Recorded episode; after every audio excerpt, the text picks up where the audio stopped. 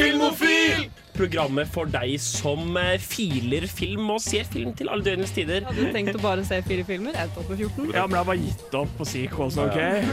Ikke det Ringenes herre, så ser jeg det. Jeg har stor respekt for Skers. Men filmen, den var dårlig. Det er bare å gjøre det. Herregud, jeg er veldig klar over at det showet er skitt. Det er nå TV-ofil. Ha-ha. Du hører på Filmofil på Radio Revolt. Hasta la vista, Ja. baby. Hei og velkommen til Filmofil. Vi er tilbake, og i dag skal vi ha en litt eh, spesiell sending. Eh, vi har ønsket å ha det lenge, men august stakk, så nå kan vi endelig ha det. Eh, vi skal snakke om TV-serier, og mer spesifikt sitcoms. Ja. Eh, og det tror jeg blir veldig gøy. Med meg i studio i dag så har vi på teknikk Gjøran. eh, Besta, Trine. Eh, Skotten Thomas.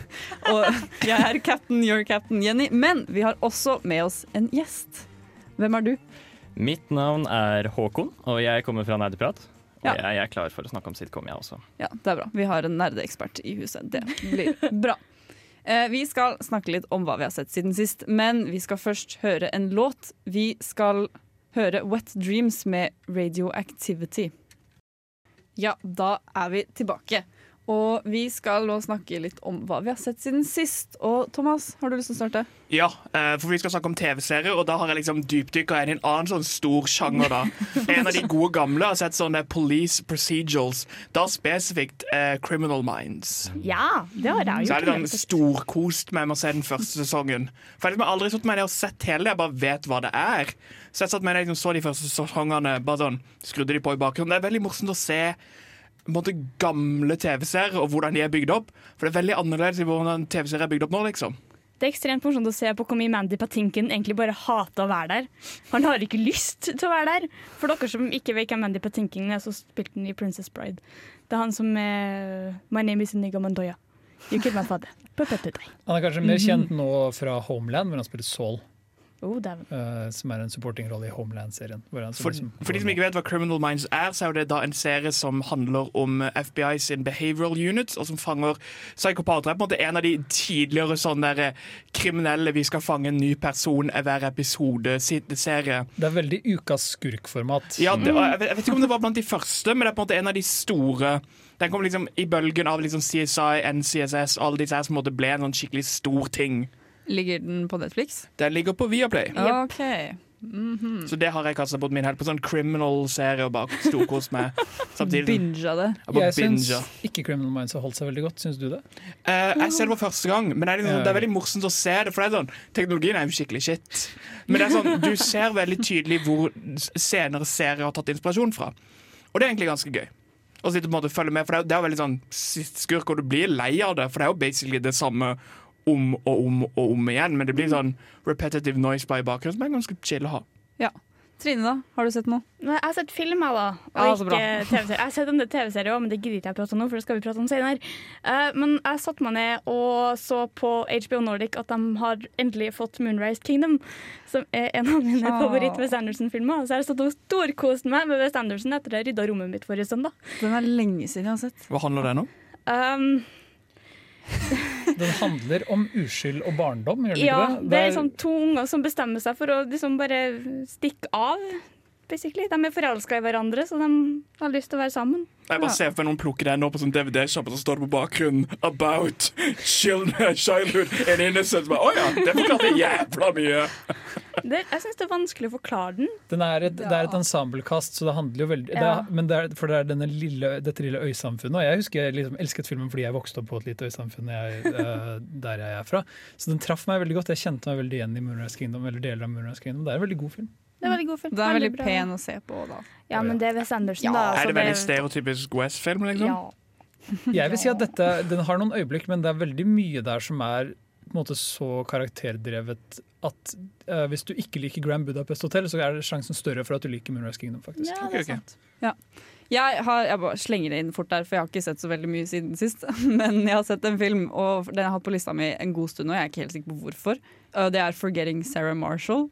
Hvis det er det den heter, ja. Den orker ikke jeg å se. Nei, det var det jeg lurte på hvorfor jeg hadde den på lista mi. Så endelig satte jeg meg ned og så den, så var det sånn «Å, OK, greit. For det er liksom veldig typisk romcom, men så er den litt annerledes også. Men Jeg vet ikke hva jeg skal synes, for jeg føler den var ganske stor på et tidspunkt. Men så bare har folk glemt den, og så, og så så jeg den, og så var det sånn ah, OK, greit. Jeg skjønner. Hvorfor har folk glemt den? Den er jo ikke så bra. Den er kjempeklisjé, og den er eh, Den kom liksom lenge etter Jeg vet ikke når den kom ut, men jeg føler den kom ganske lenge etter alle de store romkomsene. Jeg føler den kom ut om 2009. Det kan sikkert stemme. Kanskje? Var det sånn stereotypisk by the numbers, litt for sent inn i en sjanger sitt liv, liksom? Ja, og så bare er den kjemperar, fordi det er ganske mange kjente skuespillere som ikke passer inn der i det hele tatt. Men ja, det er den. Eh, Vi skal eh, snakke mer om hva de andre har sett siden sist. Men vi skal først høre en låt. Vi skal høre It Might Get Loud med I Just Wanna Dance. Ja da, vi er tilbake. Og, men som jeg nevnte i starten, så har vi jo med oss en gjest her i studio. Ja. Og Håkon, hva har du sett i det siste? Um, jeg kan bare snakke kort om det, for det jeg har sett. To filmer uh, denne siste uka her. Mm. Um, veldig to vidt forskjellige filmer. Um, hvor den første da er den nye Dragon Ball-filmen. Um, Er det en animasjon, eller hva er det, er det liksom i universet? Er det Dragon det Ball C? Ja, eller? det er en animasjon. Det er, på er det Dragon Ball Super-universet? Dragon Ball Super-universet. Unnskyld, du er jo fra Nerdeprat, så det Ja. skulle bli det, det var kasta mot meg, den der fornærmelsen der. Ja. Nei, jeg er jo ikke så veldig anime-person, men jeg er jo litt glad i Dragon Ball. Jeg synes det er veldig Hvem er ikke glad i Dragon Ball? Fight me Ja. outside, alle som ikke liker Dragon Ball. Dragon Ball var min sånn barneanime. For alle har sånn en anime som, en sånn shonen de likte når de var kid, og det Ja. var Dragon Ball. Mm. Ja. Hva er det denne handler om, egentlig? Um, det er jo det er en karakter uh, som på en måte har vært med i en tidligere Dragon Ball-film som heter Broly. Um, ja, han er Super Saiyan? ja, han the han, er, original? han er sånn svær, muskuløs type som har lyst til å banke Go Goku fordi han gråt så høyt når han var en liten baby. Oh, wow. Um, bare at nå, nå gjør de han til en faktisk karakter, de gir han litt mer dybde, og så slåss de, og så er det veldig kult. Men ble ikke han utsletta i sånn film fire for sånn sesong ni siden? Jo, jo, men den var ikke canon. OK, så dette, dette er in canon. Ja, nå er men, det er de, men spørsmålet er, for nå er jo Goku sånn Super Saiyan God mode. Hva har, uh, hva har, har han er duden egentlig å stille med, eller klarer han også nå å nå sånn Super God mode? Nei, han har noe som heter Legendary Super Saiyan. Og selvfølgelig ja. har han det. Så det, Jenny, bare, bare back off, nå snakker gutta her. Nå snakker vi anime, folkens! Hvor mange, hvor mange klipp tar det før han sier 'kan vi ha meg ferdig'? For det føler jeg som man kan bedømme hvor sterk Goku er i denne episoden. Um, en, en Kamehameha, liksom den finale Kamehamehaen tar i hvert fall minst sånn 15 sekunder hver eneste gang. Det er jo kjempe, det er favoritten min. Er liksom at ingen gjør noe, mens han bare sier 'hva'? Må vi fortsette i sånn 15 minutter. Og så er han sånn 'Å nei, han kommer til å gjøre det!' Og så er han sånn 'Jeg gjør det', og så gjør han Det er det. jo kjempegøy, den der Freezer-saga, en av liksom de originale sagaene. Der er jo den flosskampen sånn den er et antall av 40 episoder. For å bruke så lang tid, og det er sånn fire Ja. bøker. Men hva er den andre filmen du har sett, da? Eh, Nå, nå holder det. ok, eh, Den andre filmen jeg har sett, den har vært på lista mi ganske lenge. Em, jeg er litt usikker på hvordan man uttaler det, men Synecdoche New York. Synedosh? Synedosh? Noe sånt, ja. Syn- ja. Jeg liker Eh. hvordan du kom inn sånn skikkelig sånn Jeg vet dette, jeg får så bare falle av Jo, jeg, jeg, fullstendig. også hadde, jeg, jeg også hadde det problemet det første gang jeg så filmen. Hvordan skal jeg si tittelen på den fantastiske filmen til andre? Bare, bare ikke snakk for mye om den. Jeg skal se den, og jeg vil egentlig ikke Ja, nei, vite sånn kjempemye om den. Ja, nei, jeg, bare, jeg var litt sånn usikker på hva jeg syntes om da jeg først så den. Men det er på en måte jo mer jeg tenker på den, jo mer liker jeg den. Jeg som aldri har sett eller hørt om Hva, hva er pitchen til den her? Um, f OK. Philip Seymour Hoffman. Ja, OK. Nei, det er på en måte en eh, teaterdirektør som blander litt virkelig, eh, virkelighet med fiksjon når han prøver å skape et uh, realismestykke. Det er, jeg vet ikke hvordan jeg kan Han det bedre. begynner å bygge et New York-sett som han på en måte som, sant, Ja. sier, altså, prøver, Han prøver det så realistisk som mulig, og før du vet ordet av det, så har han kanskje dedikert seg litt Han slukes av prosjektet sitt. da Mm. Uh, så det, det er en utrolig god film. Den er skrevet av samme fyr som skrev Being John Malkovich. Og, og, Turn on Sunshine. Ja. Men Jaran, da, du har vel også sett noen siden sist? Det har jeg. Ja. Uh, og det er ikke så lenge siden Jeg prater ikke så mye om det på radioen, men jeg elsker alt som suger. og jeg har endelig sett gudfaren av så dårlig det er bra-film, og det er Plan 9 from Outer Space. Uh, og den har på en måte veldig lenge vært på lista mi. Det er, det er liksom historisk som den første filmen som var så dårlig at den har blitt en kultfilm i senere tid. Og den, måte, den er ansvarlig for den trenden vi har som The Room i dag kanskje er liksom det største flagget i, uh, i landskapet på, for de som er mer mainstream ikke så interessert i dette. Men jeg endelig For fått wannabe uh, cringe Vet du hva, movies. det er litt, uh, The Room er faktisk blitt litt mainstream Litt for mainstream for min smak. Ja, men det har jo det. Jækla hipstoffe. Nei da, jeg er veldig glad i The Room også. Jeg er glad i Tommy Wiseau. Men uh, jeg har sett Plan 9 from Outer Space, og jeg, på en måte, alt, jeg, for veldig lenge siden så, så jeg eh, Tim Burton sin film om mannen som lagde denne filmen, Ed Wood. Og det er, det er Tim Burtons beste film, og jeg, er veld, har veldig stor mye kjærlighet for Ed Wood, så jeg er glad for at jeg endelig har sett uh, på en måte hans mest berømte film, som, altså Plan 9. Og for et eh, eventyr. For en film. Jeg vet ikke om noen av dere har sett den? Nei, jeg har bare Nei. sett Ed Wood. Ja. Men Ja. det, det er på en måte alt som kan kalles logikk. Filmen transcenderer til å bli en slags sånn Det føles nesten som du ser kunst, fordi det er så ræva at alt som heter tid og rom, bare forsvinner. Og filmen eksisterer på et annet plan, hvor bare alt er dårlig skuespill og pappsett og Det er det du elsker å jeg, jeg lo faktisk ikke så mye gjennom filmen. Jeg satt mer og sa 'hæ?' Hæ? Men uh, jeg koste meg med den. Og så har vi alle sammen sett One Cut of the Dead, og den anbefales sterkt av meg. Yeah. Av alle. Av Jeg, jeg tror alle. August og Henning Nei, Henning. Henning var Henning var Henning, eh, se den filmen, for den var gull verd. Vi kan se den på nytt. Det kan vi absolutt gjøre. Den, å, den Den- blir bedre andre ja, gang òg. er mye bedre andre gangen. Fy faen. Ja, det skal sies. Vi skal høre noen nyheter etterpå, men først skal vi høre en låt av Kak Madafaka med The Rest. Da er vi tilbake. Dere hørte ingen nyhetsjingle, dessverre, men vi kan prøve Nyheter fra filmen og fjernsynsverdenen. Go, Trine! Jeg tror ikke han sier go, Trine. Det er over til vår nyhetskorrespondent Nå lagde jeg min egen, OK? Go Trine, Stopp. burde, eller Go nyhetsanker, burde flere folk si på nyhetene. Go, nyhetsanker! Ja, jeg, tror, jeg tror vi bare skal Det har vært slutte av dødsårsak i Oslo i dag. Ok. Go nyhetsanker! Ja, Trine, har det skjedd noe? Jeg liker ikke lenger! Hva skjer? Jeg må bare samle meg først, for det her var ikke OK. Så Dragon Ball, hva tenkte du om den filmen? Fy faen. Ok. Uh, kan starte med noe jeg har tatt opp et par ganger før når vi har snakka om Detektiv Pikachu. Den Fordi- filmen, ja. Ja, fordi, det var øynene. mest forventede film. For at det har blitt confirma nå at de, eg, de hadde fått Danny DeVito til å komme inn og gjøre linja til filmen. Og det, hva er linja til filmen? Altså replikken. til filmen. Okay, okay. Som Pikachu. så Bare, jeg, jeg tenkte lines. Ja, okay, ja. Så, sånn, jeg tenker litt mer engelsk enn jeg tenker norsk. fordi folk ville ha Danny DeVito som Pikachu. Ja, fordi han spilte Pikachu i spillet. Så. Han har stemmen til Detektiv Pikachu Gjør i spillet. spillet. ja, jeg, jeg trodde det var han som var Pika!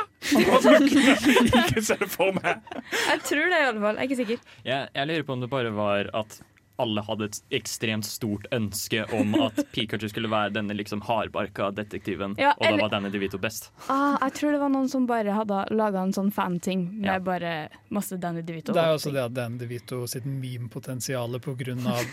På grunn av tilstedeværelsen hans i Always Sun in Philadelphia, hvor han er et av de morsomste bitene ved showet. Altså, han er et avskyelig menneske. At den mannen liksom er Pikachu, det er morsomt nok i seg selv, Ja. den kontrasten. Går det bra, Trine? Nei, det går ikke bra. Det her var ikke måten å åpne nyhetene på. Herre. Mens Trine henter frem, så jeg bare lyst til å si at jeg syns ikke Danny DeVito er et avskyelig menneske. Karakteren hans Frank Reynolds, ja, nei, karakteren hans Frank Reynolds i Always Sunny er For Han virker som en sånn helt OK hyggelig fyr. Dan DeVito fremstår som en skikkelig sympatisk og øh, Bortsett fra han spiller sånn dickbags hele tida. Sånn som når han er stripper i Friends. Som kommer Å ja, det er sant, det. Ja. Bra jobba, Jaran. Herregud, det er vi bare rot. Skal vi se. Avengers. Avengers Endgame er jo en ting som skjer. Ja. Det er liksom kommet hvor lang den helvetes filmen skal være. ja. Gi meg syv timer. Den skal være tre timer og to minutter lang. Oh, yeah. Fordi- Men er det med rulletekst? Jeg vet ikke. Men fordi, du, du- det er en Marvel-film, Thomas. Du må jo sitte etter rulleteksten. Ja, men det, er at sånn, i, Oh, mitt, men- I mitt lille verden så har jeg alltid tenkt på rulleteksten som en separat del av filmen. Ja, men de har, mm. de har um, post-credit scenes som Ja, folk kommer til å sitte for uansett. du. kommer det til å være det på Endgame, da? Det kommer film Spiderman. Ja. ja. hvis, vi fortsette, skal- hvis vi skal fortsette med en Phase 5, så burde de jo på en måte hinte til en ny superskurk her, er liksom. ikke Phase 4. Ja, Jo. uansett hvilken face det Phase De må liksom hinte til hva er det neste Hva, hva blir den neste Avengers eller samlingsfilmen om, liksom. Så ikke det bare sprer seg ut og blir en haug av løslatte filmer. For hvis du legger det død med endgame, så risikerer du at noen ikke gidder å se videre etterpå. Du må ha en teaser. Ja, men du må det. Hvis ikke så blir folk, det så er folk Det er sånn du må ha en teaser på slutten av endgame, så folk gidder å se videre. Jeg lurer også på hvor de skal spise i slutten av denne, siden jeg har blitt en angående joke i alle Avengers-filmer at de går og spiser etterpå. Og mens vi holder på å snakke om Marvel, så har de annonsert hva de første filmene i Phase 4 kommer til å være. Så Den første filmen kommer jo så klart til å være Spiderman Far From Home, der eh, Jake Gyllenhaal går for å dø. Eh, Hør forrige episode. Å, gud. Jeg lurer på hva filmen Jeg vil, jeg vil jeg vil sånn Cap Marvel 2. Kommer den? Er det Black Panther? Black Panther, Black 2 Panther 2 komme. kommer. Og Doctor Strange 2 også, er det ikke? Ja, og Guardians of the Galaxy 3. Marvel er blitt en grusom drøm vi aldri kan våkne fra! Men den ene, den ene interessante filmen er jo at Black Widow-filmen kommer. Ja, for det har vært en greie kjempelenge at fans har vært sånn Vi må ha en Black Widow-film. Det var skikkelig hype på et tidspunkt, men nå har jeg blitt nedhypa fra den filmen, føler jeg. For Men- tidligere Scarlett Johansson-actionfilmer har de gjort helt fantastisk. mm. Men bare Black Widow som karakter, det var interessant en stund, føler jeg. Men Ja. nå har det blitt Men- hypa ned, men nå kommer det plutselig. Mye av poenget med Black Widow for meg var at det var en morsom side character som liksom var litt sånn mørk og mysterisk på siden. Jeg vet ikke om hun har carrier, carrier capacity. Ja, jeg, føler, jeg personlig føler jo at de oppsummerte mesteparten av det som gjør henne interessant i de to første Avengers-filmene. Ja. Så jeg ser ikke hvordan de kan lage en hel film om det. Nei, folk bare sånn Ja! Booty shorts. Black Widow Black Widow-film, og så kom Captain Marvel, tenker jeg, så ble folk litt sånn «Nja, Det går sikkert bra. Det kommer noen flere filmer, òg, da The Eternals, som er et eller annet, annet rart. Liksom i liksom Thor og Guardians of the Galaxy S. Ja, for, det, det, er- for jeg synes at De har fucka opp Magic-universet sitt eh, med Dr. Strange, for det var bare shit. det Sånn magimessig. Men jeg synes de har på en måte klart å skape universet sitt jævla kult. Sånn ute i galaksen har vært veldig spennende, og det vil jeg se mer av. Mm. Det kan jo bli interessant, da. Eh, Vi vet jo ikke. Um, men jeg, jeg gleder meg, men jeg gruer meg også litt, fordi jeg vil, jeg vil egentlig ikke at det skal skje. Men jeg vil at det skal skje. Så jeg vet ikke hva jeg føler! Vi skal i hvert fall høre en låt før vi går videre med å snakke om mer nyheter. Vi skal høre Vampire Weekend med Sunflower. Hei, mitt navn er Atle Antonsen. Du lytter til Filmofil på radio Revolt, og det gjør du helt til programmet er ferdig. Men vi er ikke ferdig ennå. Å, unnskyld. Jeg, bare, jeg føler meg litt som August og Henning nå. Det er litt gøy. Åh. Ja. Men vi, du har flere nyheter, vår go-nyhetsanker Trine. Ja, jeg har det, og det her har jeg faktisk gleda meg til en stund. Um, Supernatural er endelig ferdig. Den, de kanselleres etter sesong 15. Kanselleres de endelig? Det Ja. er, litt, det er litt trist, for jeg skulle ønske de bare lærte leksa. Bare slutta. Har de holdt på helt til nå? Ja, de har bare nå. Det er ikke lenge siden de hadde deres 300. episode. Noen show må også bare altså, på en måte Oscar-seremonien svare på å spille noen av scenen. De må bare tvinges ut. Du, får, du, jo, men de, du blir ikke kvitt dem. Fanbasen for Supernatural de er så harde. Altså, de, de Ikke har, ikke har nok til å holde det gående, virker det som. Kanskje ikke, men det, For hadde det vært nok folk som ville ha det, så hadde de fortsatt. Det er, det er fordi seertallene ikke er der. tror du det? For jeg har fått inntrykk av at Supernatural ville slutte sånn fem ganger. Ja, men Ja. da, da hadde de skrevet en avslutning selv. De gjorde det. Den er som Swan Song i sesong 4 eller sesong 5 er egentlig avslutninga til Supernatural. Det var da Eric Kripke, Eric, Eric Kripke, som var skaperen av serien, forlot serien. Han ville at den skulle slutte, men de fortsatte, og det ble så dårlig. For det, for det er favorittingen min når de sånn kommer til end of days, og så fortsetter de, og så bare eskalerer de og eskalerer de. Til slutt så slåss de Just the Darkness. Som var det som var Hva Ja. slåss du etter The Darkness? The, the, the Supreme Darkness? Kingdom De, Hearts. for det, det er en av de tingene som alltid irritert meg med Supernatural. Og den type serie er liksom, Det er det samme med Dragon Ball. Det har alltid, alltid vært en ondere, sterkere skurk som bare har sittet i bakgrunnen. Bare ingen har hørt ja. om han sånn. Sånn tvinna tommeltott. og bare, Ja, men jeg vil jo ikke ta plass til noen andre. Nå har jo liksom både mora og faren til Winchester-brødrene har jo kommet tilbake i serien. Jeffrey Dean Morgan kommer plutselig tilbake. Jeg er bare sånn Ja, men du, du Er det ikke en greie at alle bare dør hele tiden også? Sam og Dean dør hele tida. Ja, ok. Det Eh, Dean. Dean dør hele tida. Sam dør litt sånn av og til. De dør like mye som Doctor Who. Dean, Dean har vel dødd kanskje sånn jeg vet ikke, er 5000 ganger, eller noe sånt, hvis du regner med Mystery Spot, der han dør hele tida. Jeg vet altfor mye om Supernatural, OK? Skal vi se Hva har jeg egentlig? Og i Oslo i dagen, så Å, herregud. Eh, for dem som liker Parks and Rec, Yeah! så har, Nerd! Det fikk jeg tatt tilbake. så har Parks and Rec, Parks and Rec har tiårsjubileum. Og skuespillerne har snakka om en mulig eh, revival-episode.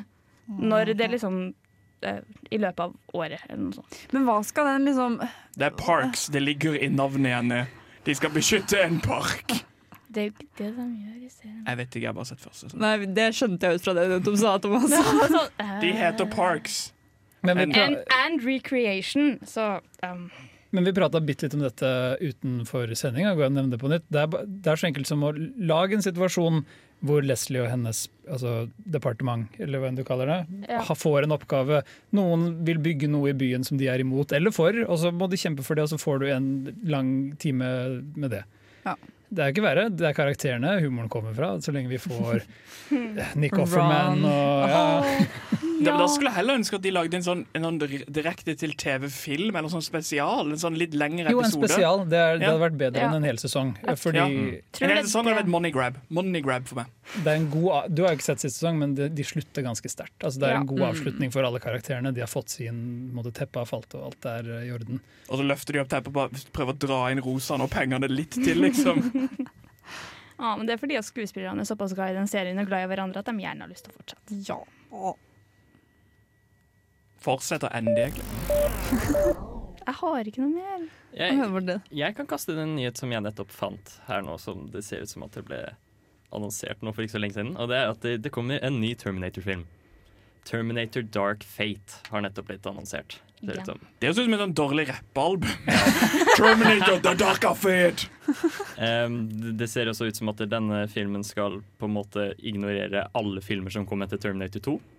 Som vil si at eh, katastrofen som var Genesis, bare har Snakker vi nå filmen eller eventet? Det var jo dette Genesis skulle gjøre. Ja. Altså, den femte Terminator-filmen skulle ignorere tre og fire, og nå kommer den sjette Terminator-filmen som skal ignorere tre, fire og fem. Ja. De skal bare gi opp til de får det til. Altså, ja, det er jo det, er det som skjer nå, virker det som. For jeg synes jo En av de beste både re soft rebootsene vi noen gang har hatt, har vært X-Men Days of Future Past. Ja. For den klarte den der nål-edgen perfekt. Men det virker som Terminator har prøvd litt for mange ganger nå. Det bare, det bare faller gjennom. Ja, vi får se, da. Nå, står det når den kommer? Eh, 1. november 2019. Er James Cameron Ja. involvert denne gangen også? Eh, nei, det ser ut som at det er Tim Miller. Jeg tror det er han som Hmm. regisserte Deadpool, kanskje. Er det ikke? Er det ikke han bak Nei, jeg husker ikke. Føler jeg har hørt navnet før, i hvert fall. Vi kan google det i, mens vi hører en låt, for vi skal høre The Modern Times med Am I Losing Touch. Spenningen spisser seg til. Nå som vinteren nærmer seg, hvem har egentlig drept Laura Palmer? Hvem er den mystiske doktoren? Kommer William til å svare? Hva vil skje? Ukas TV-serie. Sendingens TV-serie. For vi skal eh, Vi skal jo snakke om TV-serier i dag. Eh, Yeah. Mer bestemt sitcoms. Og da er det jo naturlig å starte med en liten definisjon, for hva er egentlig sitcoms? Jeg er så glad for at du spurte meg, Ja. Jenny. Akkurat Vær så meg dette. Fordi jeg Smooth. Når vi prater om overganger og på en måte sitcoms, eller for de som sliter med forkortelser, så altså, eh, diminutivt, så er sitcom situasjonskomedie. Og og det er jo ofte fordi eh, det skal være morsomt, og det er situasjonene som skal være morsomme. Men sitcoms er litt mer enn bare det, fordi det har en ganske rik historie. Eh, De har vært på TV ganske lenge. De, den aller første sitcomen er jo tapt eh, for tiden, for alt i måte, men folk regner 50-tallet som måte sitcomens start. Og det er et par ting som, som gjelder her, noen grunnregler. Du må gjerne ha et lite, et lite kast, en liten gjeng med skuespillere. Og du må fortelle historien så billig som mulig, egentlig. Altså, dette, dette skal lages for TV, for det skal være en, måte, en serie. Det skal kunne gå på nytt og på nytt og på nytt. Og du må Du gjør det på et par enkle sett, med et par enkle grunnregler. En av disse er at du skal helst på en måte ikke endre situasjonen for mye. Du må kunne sette opp disse, så mange situasjoner med det samme premisset som mulig. Status quo er Gud, tror jeg det er et, et sånn fagterm de bruker på Hotell Cæsar eller et eller annet sånt. Hvor det er, altså, Ja, det er en såpeopera, og Ja, ja. og såpeoperaen har en del til felles, faktisk. Um, så de fleste av oss har et forhold til sitcoms. Ser en del sitcoms i hverdagen. Uh, vi er, jeg regner med at de fleste har sett en sitcom eller to. Ja, eh, jeg, jeg vil si meg litt uenig med noen av de tingene du sa. Det der med at det skulle være billig og effektivt. Eh, og Jeg tror ikke det er det, for jeg tror sitcoms handler mer om skrivinga og casten enn det de gjør om det tekniske. Sitcoms for meg handler mye mer om en sånn stående form for humor, eh, der det revolver om samme cast. Men det er jo ofte at det kommer nye personer inn i casten som måtte bli litt sånn absorbert inn. Men det er ikke alltid det like godt på bra. Så jeg sier meg veldig enig i din definisjon av at status quo. Men for, for, kan, du, kan du utdype litt hva du mener med status quo ikke skal forandre seg? For det er vel kanskje den viktigste tingen i en sitcom. Ja.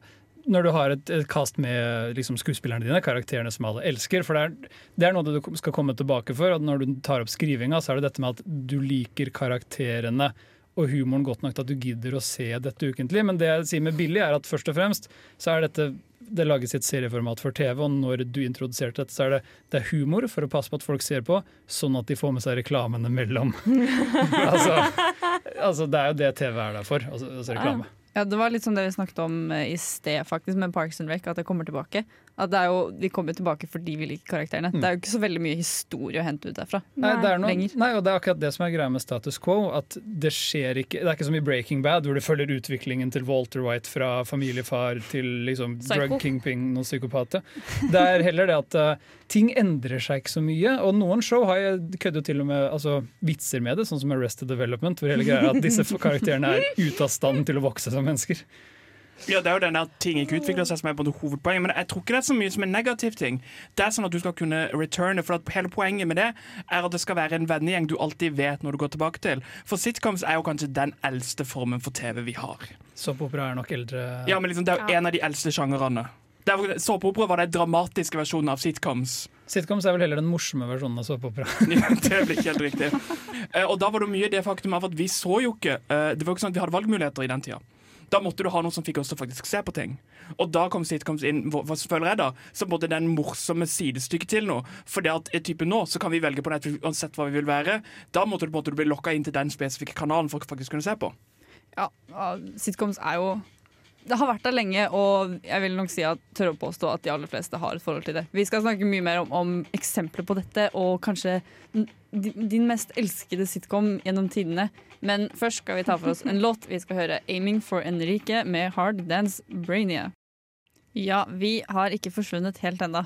Vi skal ta et mer dypdykk inn i sitcomens verden, og litt mer sånn Ja, nå blir det litt mer eksempler, da, kan man jo si. Thomas? Ja, for vi snakka om at en av på en måte, hoveddefinisjonene av sitcom er at vi besøker den samme casten. Og det var der det begynte. Det var I Love Lucy, som var en sånn familiedrama.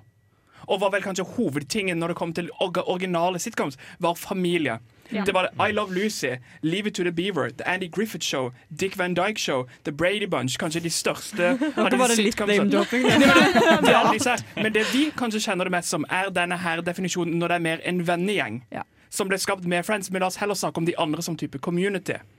Der vi heller Sitcoms for oss har blitt en gjeng med personer vi er glad i, som vi besøker, som i gamle dager pleide å være en familie. Men som nå har blitt en gruppe mennesker, en vennegjeng, som representerer oss litt mer. Man kan jo si at en vennegjeng er litt som en familie, da. Man kan også si at for Det har utvikla seg i den forstand at før så var det sånn enten så var det et helt hvit cast, for det var rasisme før.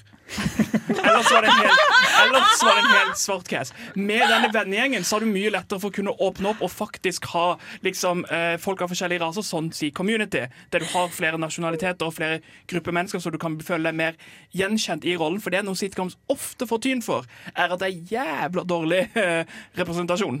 Kanskje den dårligste sjangeren. Ja, Som regel så er det liksom én kid som, er, eh, som skal på en måte vise at de er fler flerkulturelle og sånn. The gay de- one, the black one. Liksom, det er en stereotype som sitcoms ofte får på seg. Ja, man ser det jo veldig lett òg. Det er Det er ikke fler, som regel. Det er alltid én person. Det var liksom sånn, Enten så hadde du The Griffith Show eller sånn type The Brady Bunch, eller så hadde du The Cosby, som var basically den svarte versjonen av familien. liksom Som var liksom hvor splitta dette var. Eh, men det er liksom så, det er den casten som du alltid går igjen på, og de har litt sånn troper de alltid går igjennom. Det er alltid en eller annen love story. Det er alltid den der will they, won't they-trope. Det er vel kanskje den mest stereotypiske sitcom-tropen som fins. Oi. Ja.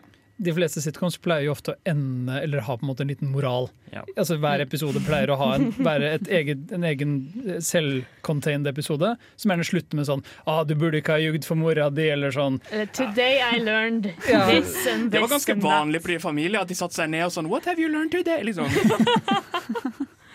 De fleste sitcomene er jo amerikanske, og det er også derfor du begynte med disse familietropene, fordi det er kjær- erkeamerikansk. Kjernefamilien. Ja, ja, Ja. men, altså. Det er liksom Der du så liksom familiesitcom i senere tid, er jo uh, Disney Channel eh, live action-serien. Det, det er jo ofte liksom Ja. sentrert rundt familie. Men en eller annen familiemedlem er død. Det er veldig sjelden de har en mor og en far på Disney Channel eller på Nickelodeon. for det saks Ah, nei, That's So Raven. Der, Ja, Der har eh, faktisk gifte foreldre som liker hverandre. yeah. altså, Men Gud, der kunne hun se framtida, da. Så du måtte bryte, bryte moldet litt. Du, du har også Good Luck Charlie, som tror slutta for et år eller to siden. Der er det en, det er en familiesentrert serie.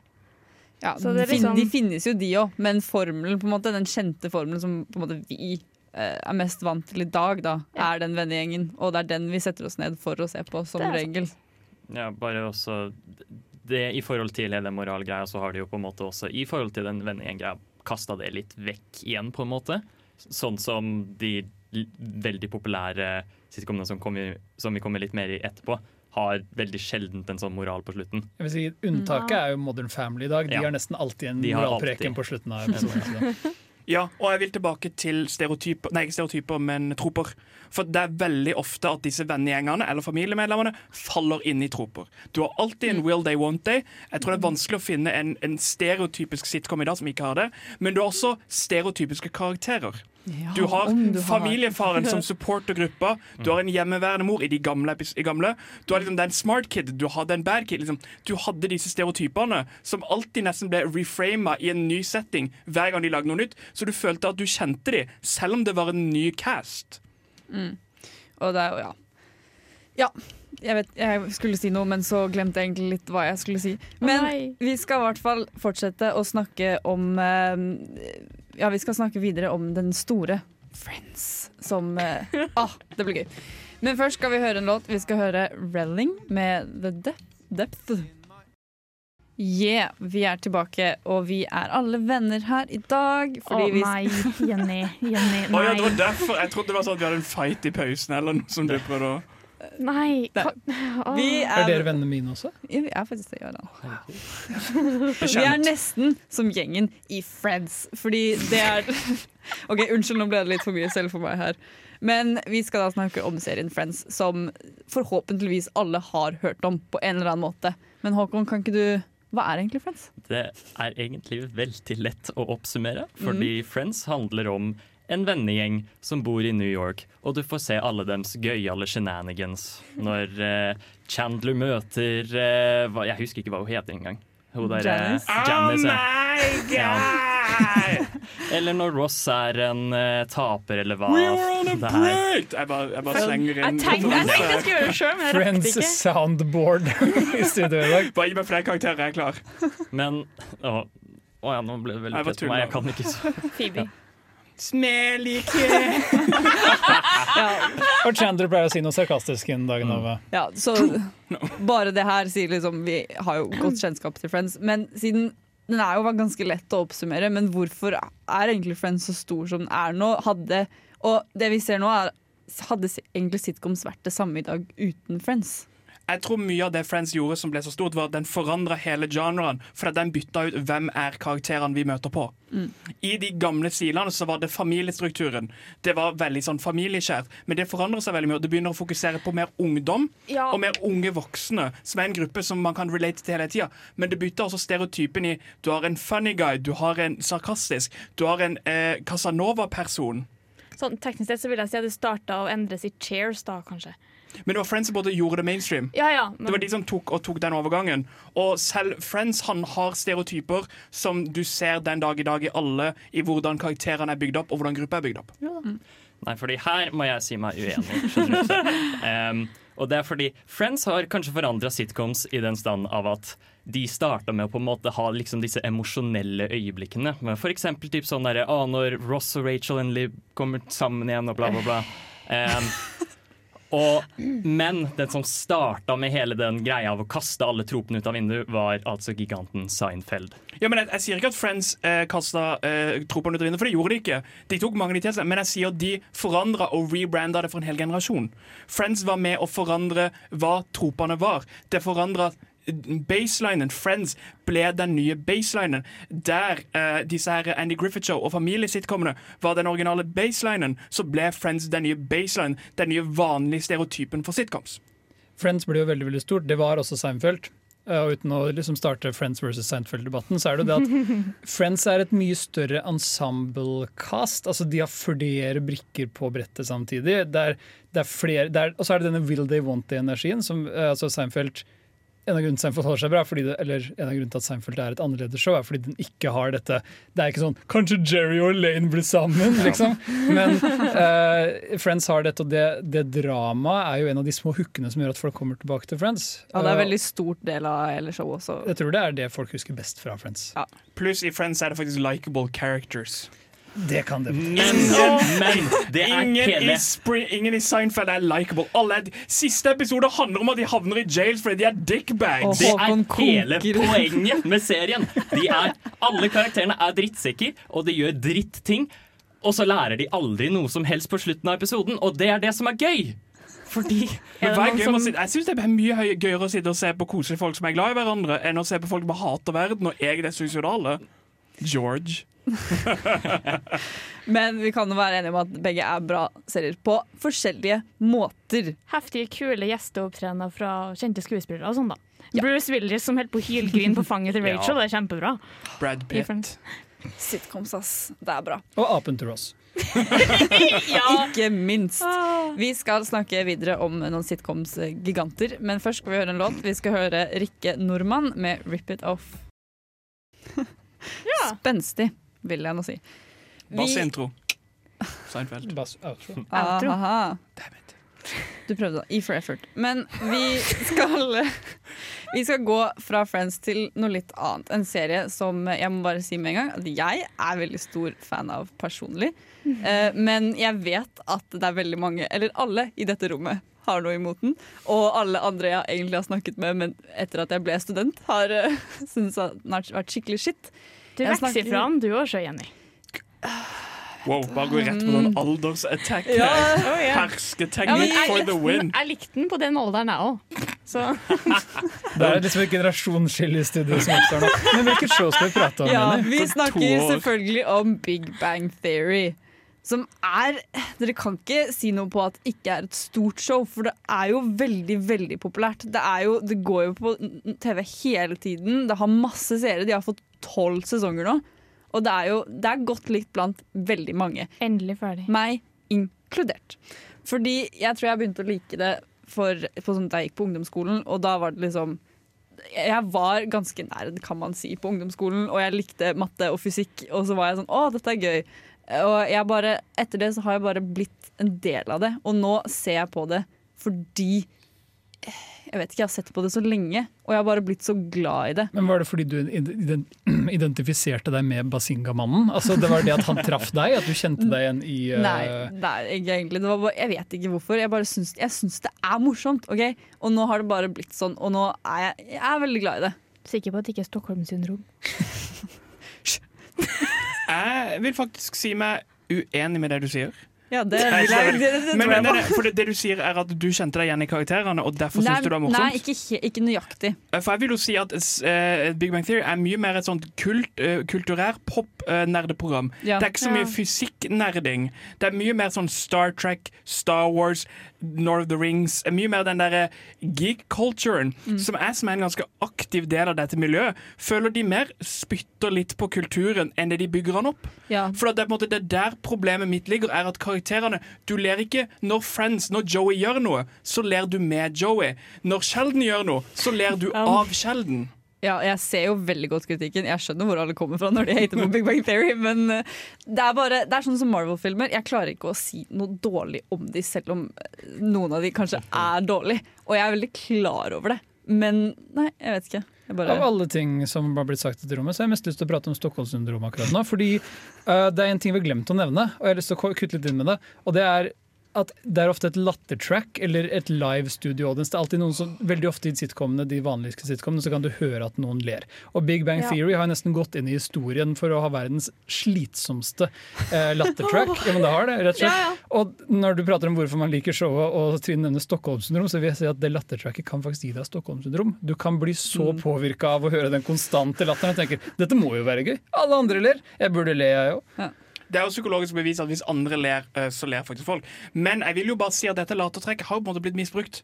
Eh, for Han som måtte være en stor fan av det, Carl Frode, eh, han som oppfant filmingen og liksom det som er sitcom, sånn rent teknisk, han sa jo i sitt skriv om I Love Lucy når jeg med å lage det, var at live audience er med å gjøre noe for skuespillerne. For mm. skuespillere som våkner opp. Problemet er når, laugh, når det har blitt laugh tracks istedenfor laugh audience, for det er en stor forskjell. Big Bang Theory uten uh, latteren i bakgrunnen hadde ikke vært, hadde ikke vært så bra. Det, vært, det er mye bedre med laughing track, det kan jeg si meg enig med. Det skal jo også sies at han, skaperen av The Big Bang Theory, som er eh, Chuck Lorre. Chuck Lorre. Chuck Lorre. Chuck Lorre. Ja. Han, han har jo også skapt et av de andre sånn Beste showene. Nei, mest forferdelige show Men, heller. men, men, men, men, Ja. men, men, men, men, men, Two and a half- Two, two, and, two and a half men med liksom Charlie Chin helt til han var smart nok og ble kasta ut. Jeg trodde du var smart for at han liva. Jeg bare, han, han liva ikke. Men vi kan si så mye negativt vi vil om disse showene, men begge ja. to har vært de, altså, de har tjent så mye penger. De har gått så lenge. De har gjort det helt fantastisk. Ja. På TV. De har fanbaser som er liksom alle de vanlige TV-seerne. De elsker disse showene. Ja, men jeg syns det er et bra show, og det står jeg fast ved. Eh, vi skal høre en låt før vi går videre til mer prat. Vi skal høre Di- Di- Divest med 'Wingside'. Ja, vi er tekniker. mm. Jeg syns du er flink, jeg, Aran. Ja. Sangen var bare bråk, så jeg tenkte nå må, vi bare, nå må vi bare skru den av. Vi skal i hvert fall fortsette å snakke om, eh, ikke om Jaran, men om sitcoms. Og vi har jo Friends og Big Bang Theory kan man si er på en måte like på noen visse nivåer. Men det er andre sitcoms der ute som er ganske så forskjellige, vil jeg nå si. Og et av de er Parks and Recreations, yeah. som vi har vært litt inn på. Men Trine, hva Ja, um, eh, Parks and Rec, for jeg orker ikke å si recreation, det er så mye. Recreation. ja, I know. Jeg visste faktisk ikke at det hadde et helt navn. Jeg trodde det bare het Parks and Recs. Ja, skulle tro det er enklere å si, vet du. Ja. Mm. Eh, det handler jo da om en liten eh, en, en gjeng som jobber på Å, herregud. Hjelp. Government. De jobber for liksom, lokalmyndighetene, de jobber Ja, i kommunen. Ja, kommunen. Så staten, liksom county. Parks and Recreation, ja. divisjon, eller hva Ja. man Trondheim har vel sikkert en sånn Trondheim kommunepark og parkvesen. Tror det. Så, det de Jobber liksom, ikke her, da. så du, du følger bare, du følger bare eh, karakterene som jobber da på Parks and Recreation-kontoret. Mm. Eh, du følger deres daglig, dagligliv og Både på kontoret og også privatlivet deres, da. Ja.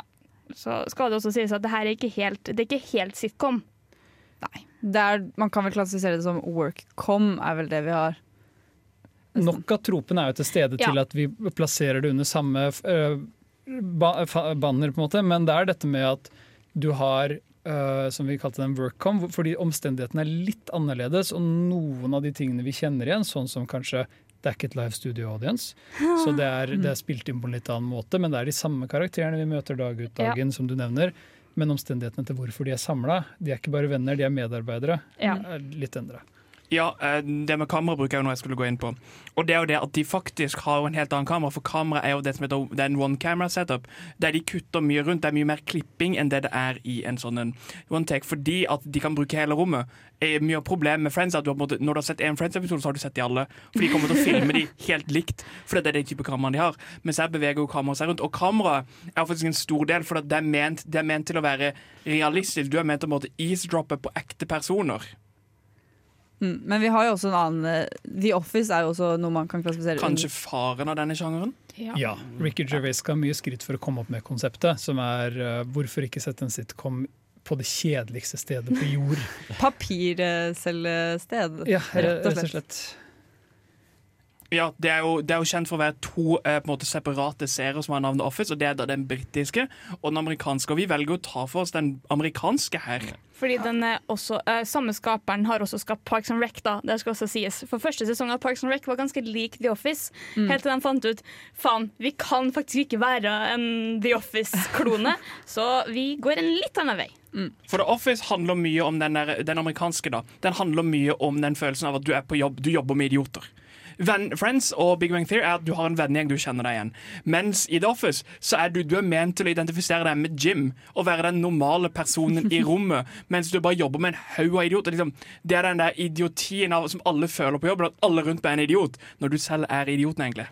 Ja, Det kommer jo også særlig fram i f.eks. kamerabruket, som vi nevnte tidligere. Hvordan eh, sjefen Michael gjør noe som er ekstremt kleint, og så går kameraet over til Jim, og så bare ser han veldig oppgitt inn i kamera.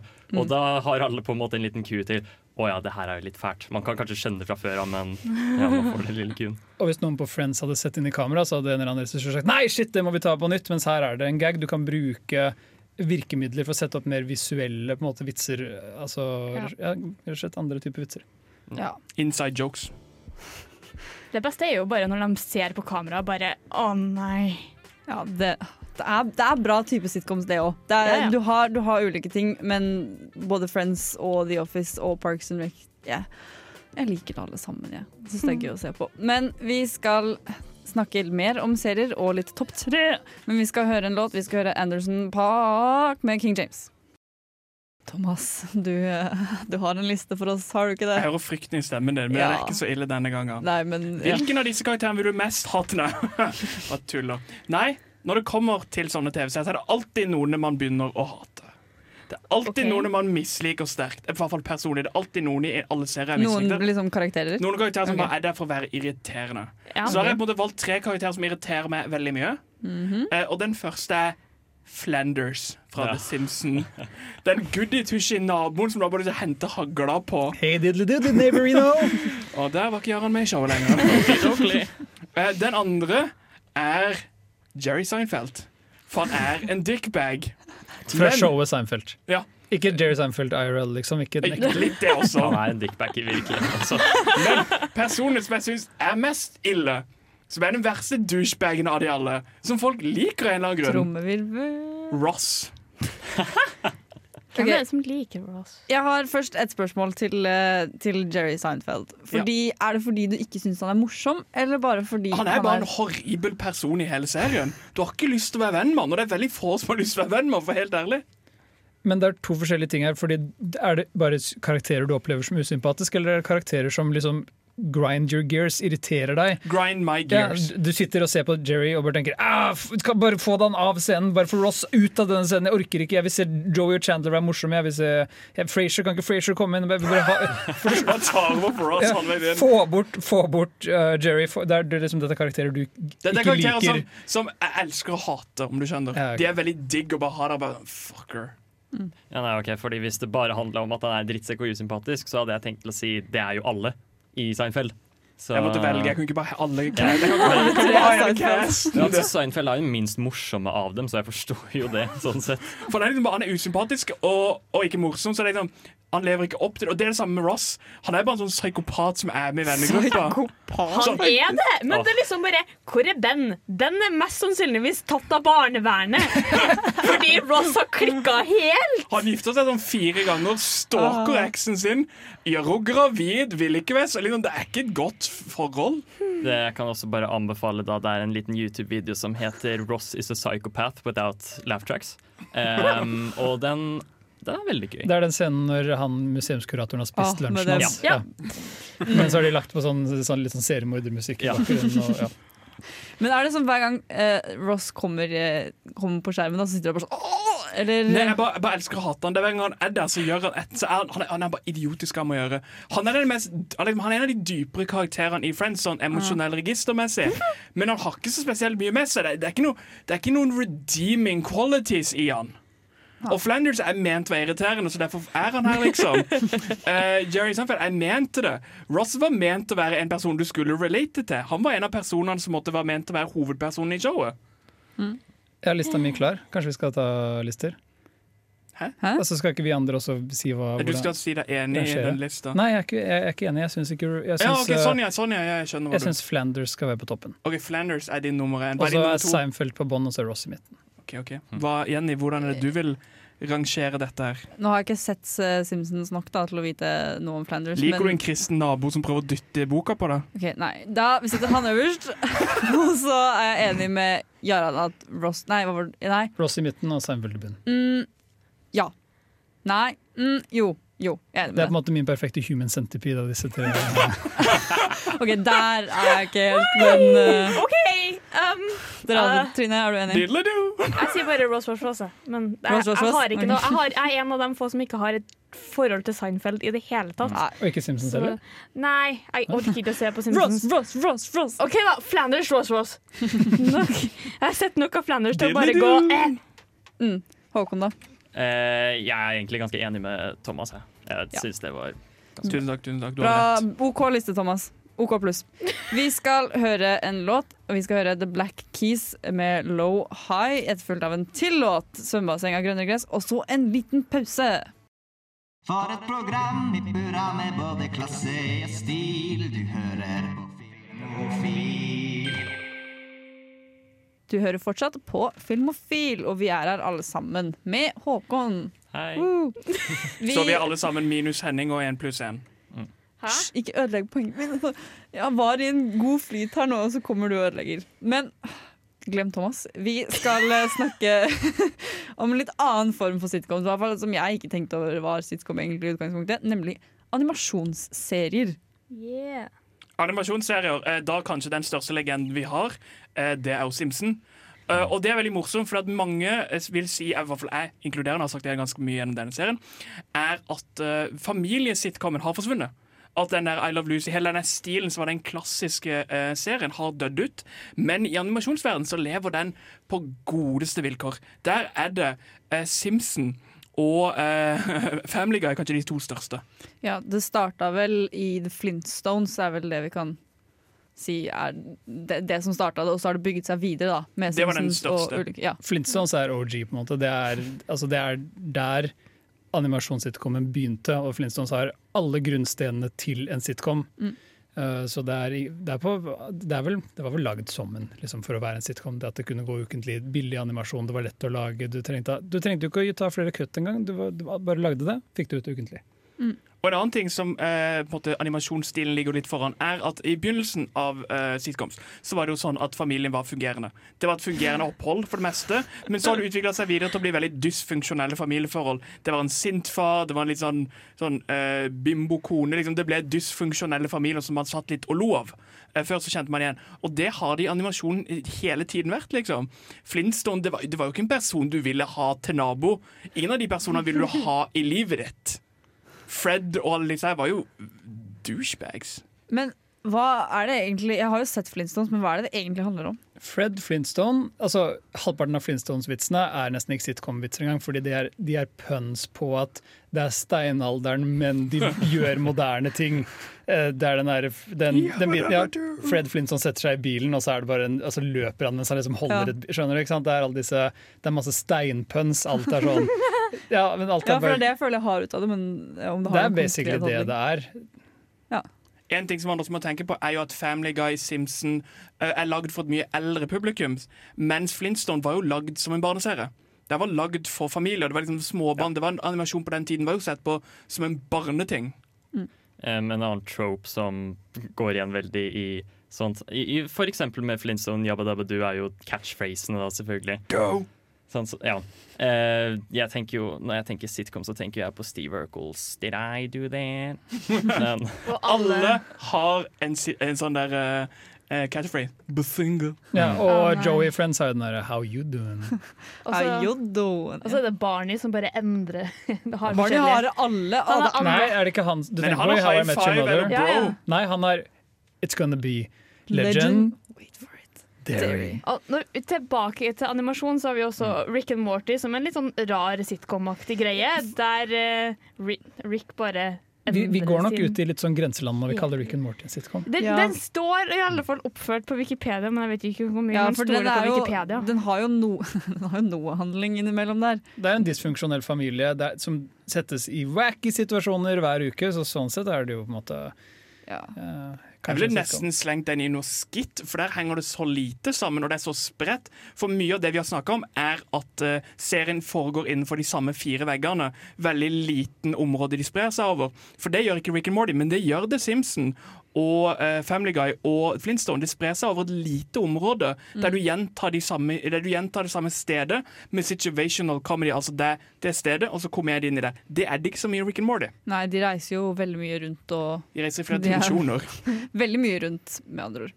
Men altså, når vi prater om Simpsons, som er giganten her altså, Ingen har klart det Simpsons greide noensinne. Altså, de har så mye merch, så mye spin-off, så materiale. Det er liksom en industri. Simpsons er en industri.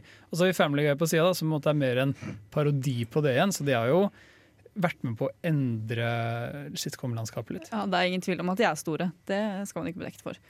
Vi skal snakke videre om litt andre sitcoms etter hvert, men vi skal, først skal vi høre en låt. Vi skal høre Hollywood med Ricky's Got a Secret. Vi er tilbake, men vi er snart ved veis ende. Men vi har fortsatt litt god prat igjen.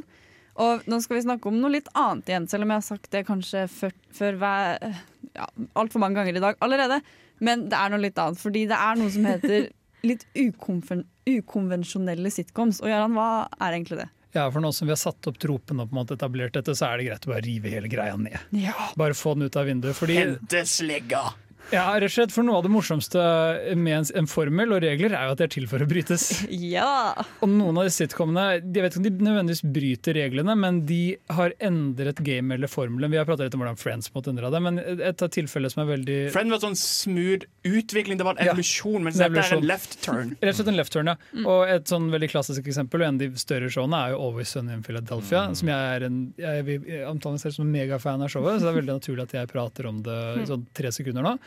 Eh, Fordi det showet er på en måte en antisitcom, en slags fullstendig inverse, en slags negativ av hva en sitcom er. Ingen av karakterene er sympatiske. De har helt, altså Bortsett fra at de gjør altså slett forferdelige ting sammen. Altså De er grusomme mennesker sammen. Så er det ingen naturlig kjemi.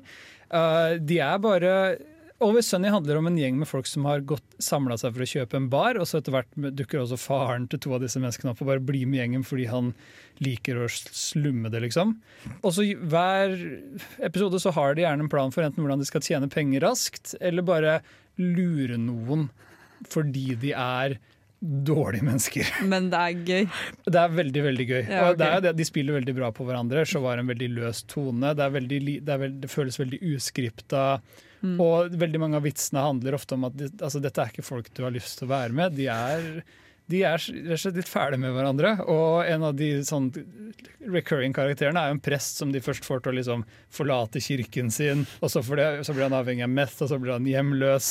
Og liksom livet hans blir- er? Hver gang han Er det noen side characters ja, han liksom er, sånn, ja. shit. Hver gang han dukker opp, så har livet hans bare kommet mer og mer ut av kontroll pga. at han interagerer med liksom, tri gjengen i Always Sunny. Når vi snakker om sånn bakgrunnsstory, Det er også en story i Friends der noen møtes, blir gift, får en kid, og så liksom hele greia som foregår i bakgrunnen i kafeen. Ja, Nei, det er. How I Met Your Mother. Uh, der de liksom De har hele livshistorien Ja. i bakgrunnen i baren når de er i baren, liksom. Det, Det, det, er er en jo, hel det er jo også i Community, der eh, Abed ender opp med å er, er med å eh, Mind blown. Men når vi snakker om sånn ukonvensjonelle, så tenker jeg liksom den som er mesteren på å bryte normene og stra de til sin grense, så er det jo Dan Harmon i Community. For det er jo en veldig sånn morsom, stereotypisk sitcom, men den klarer å balansere på alle stereotypene og rive de i stykker og sette de sammen på sånn en mystisk måte som bare blir fantastisk. For de holder seg jo innenfor det samme stedet, men det er ikke den der, det er ikke, det, de holder stereotypene, men ikke like hardt som alle andre, og det er fantastisk. Jeg har sånn et bitte lite problem med community. som ofte bare Det er en sånn, det klør litt i bakhodet når jeg ser på det, og det er hvor avhengig det er av på en måte referanser og og, og dette, den litt sånn lol so random-humoren, den tilnærmingen til at av og til så er det bare sånn Du merker at han som har lagd Rick and Morty, Ja, liksom. men det er, det er den tilnærmingen til sånn at eh, humoren her er at du var ikke forberedt på at de skulle si dette. Altså det er den, Du vet hva vi må gjøre nå, sier Troy til Abed, og så sier Troy etter han sånn derre Vi må selvfølgelig kjøpe iskrem! Og det, bare sånn, det var helt åpenbart ikke det de satte det opp for at han skulle si, men det var morsomt fordi liksom, det er ikke en selvfølge at de må kjøpe iskrem. Og det er litt sånn Det, det, det grinds my gears. Jeg synes ikke det, det, det er ikke det som gjør det morsomt for meg. Morsomt for meg er hvor langt de velger å dra vitsene. For det første, alle puler alle på et punkt. Sånn, det, det var noe han satte ned i begynnelsen, var at alle kan forelske seg i alle. Noe som er veldig sjeldent i en sitcom. Der er det veldig tradisjonelle mønstre. Sånn som Homofili fins nesten ikke i sitcoms. For de er veldig tradisjonelle og veldig stereotypiske. Du skal ikke offende noen når du ser dette. Så alle kan forelske seg i alle. Men også hvor langt de velger å dra episodene. Sånn som Paintball-episodene er jo noen av de beste. Eller. Pillow Forge. Eller DND-episodene. For der gjør de DND bra. Det er noe de ikke klarer i, i uh, Big Bang Theory. Men det klarer de så fantastisk av Community. Å fange den følelsen. De er bare sykt flinke til på å lage sånn ordentlig situational comedy som bare De drar strikken så langt at det nesten er skitshows. Men- Og det er bare moro for meg. Ja, Så det er veldig annerledes, men det er fortsatt gøy, men det er rart. Og, og, Du merker at det er duden som har lagd uh, Rick and Morty. Community er definitivt en ukonvensjonell sitcom. Uh, Ja. Rett og slett fordi av og til så er det nesten ikke situasjonshumor. uh, og hvis man virkelig vil se noe fantastisk og er nerd, så istedenfor å se Big Bang Theory, heller se Dan Harmon eller Harmon Quest, som er hans egen DND-animasjonsserie, som er fantastisk. Eller se Big Bang Theory. Alt ettersom. Du kan Se velge. Community. Ikke se Big Bang Theory. Vi skal snakke litt om eh, våre favoritter, eller honorable mention, som vi liker å kalle det. Men først skal vi høre en låt. Vi skal høre Local Natives med When Am I Gonna Lose You.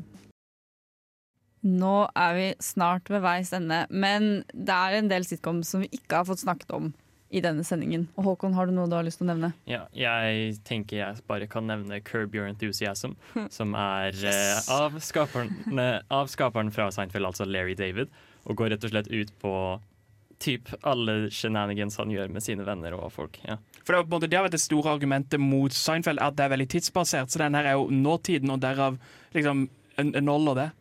For det første, Det er ikke det store argumentet mot Seinfeld, men nok om det. Vi tar det utenfor. Da kan vi slåss. Ja. Det som er gøy med Curb, er jo at det er uskripta store deler av det. Det er på en måte bare Larry David sitt liv. Det føles som han har opplevd ting, og så har de på en måte bare å, dette kunne vært gøy hvis jeg gjorde det enda kleinere på skjermen. Ja. Så det er jo veldig mye av sjarmen da, at det faktisk bare er improvisert. Nesten, Det er vel hele tiden, så vidt jeg har skjønt. Men eh, ja, de tar i hvert fall et manus og så improviserer det, og så er det veldig vittig og gøy. En av mine favorittøyeblikk er når han henger med Michael J. Fox. Ja. Se Your Spennende.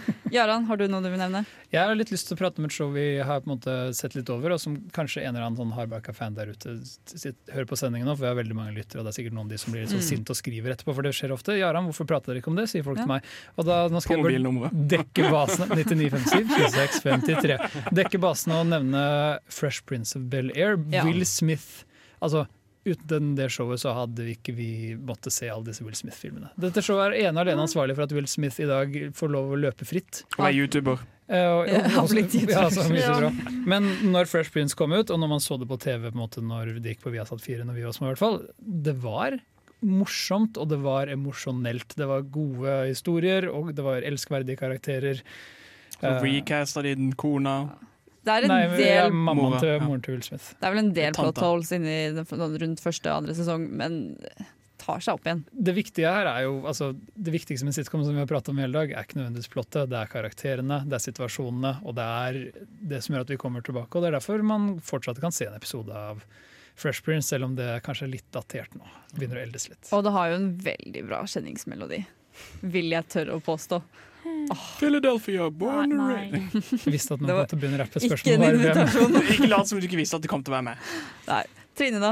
Eh, Jeg vil ta opp en sitcom som vi ikke har snakka om i det hele tatt, men det er samme skaperen som har skapt Parks and Rec og The Office, som heter The Good Place. Som bare basically handler om at det er ei som dør, og så Ja, finner det er hun ut morsomt. Nei, ei som dør, og så finner hun ut at eh, hun med en feiltagelse har havna på, i himmelen, altså The Good Place, i stedet for The Bad Place.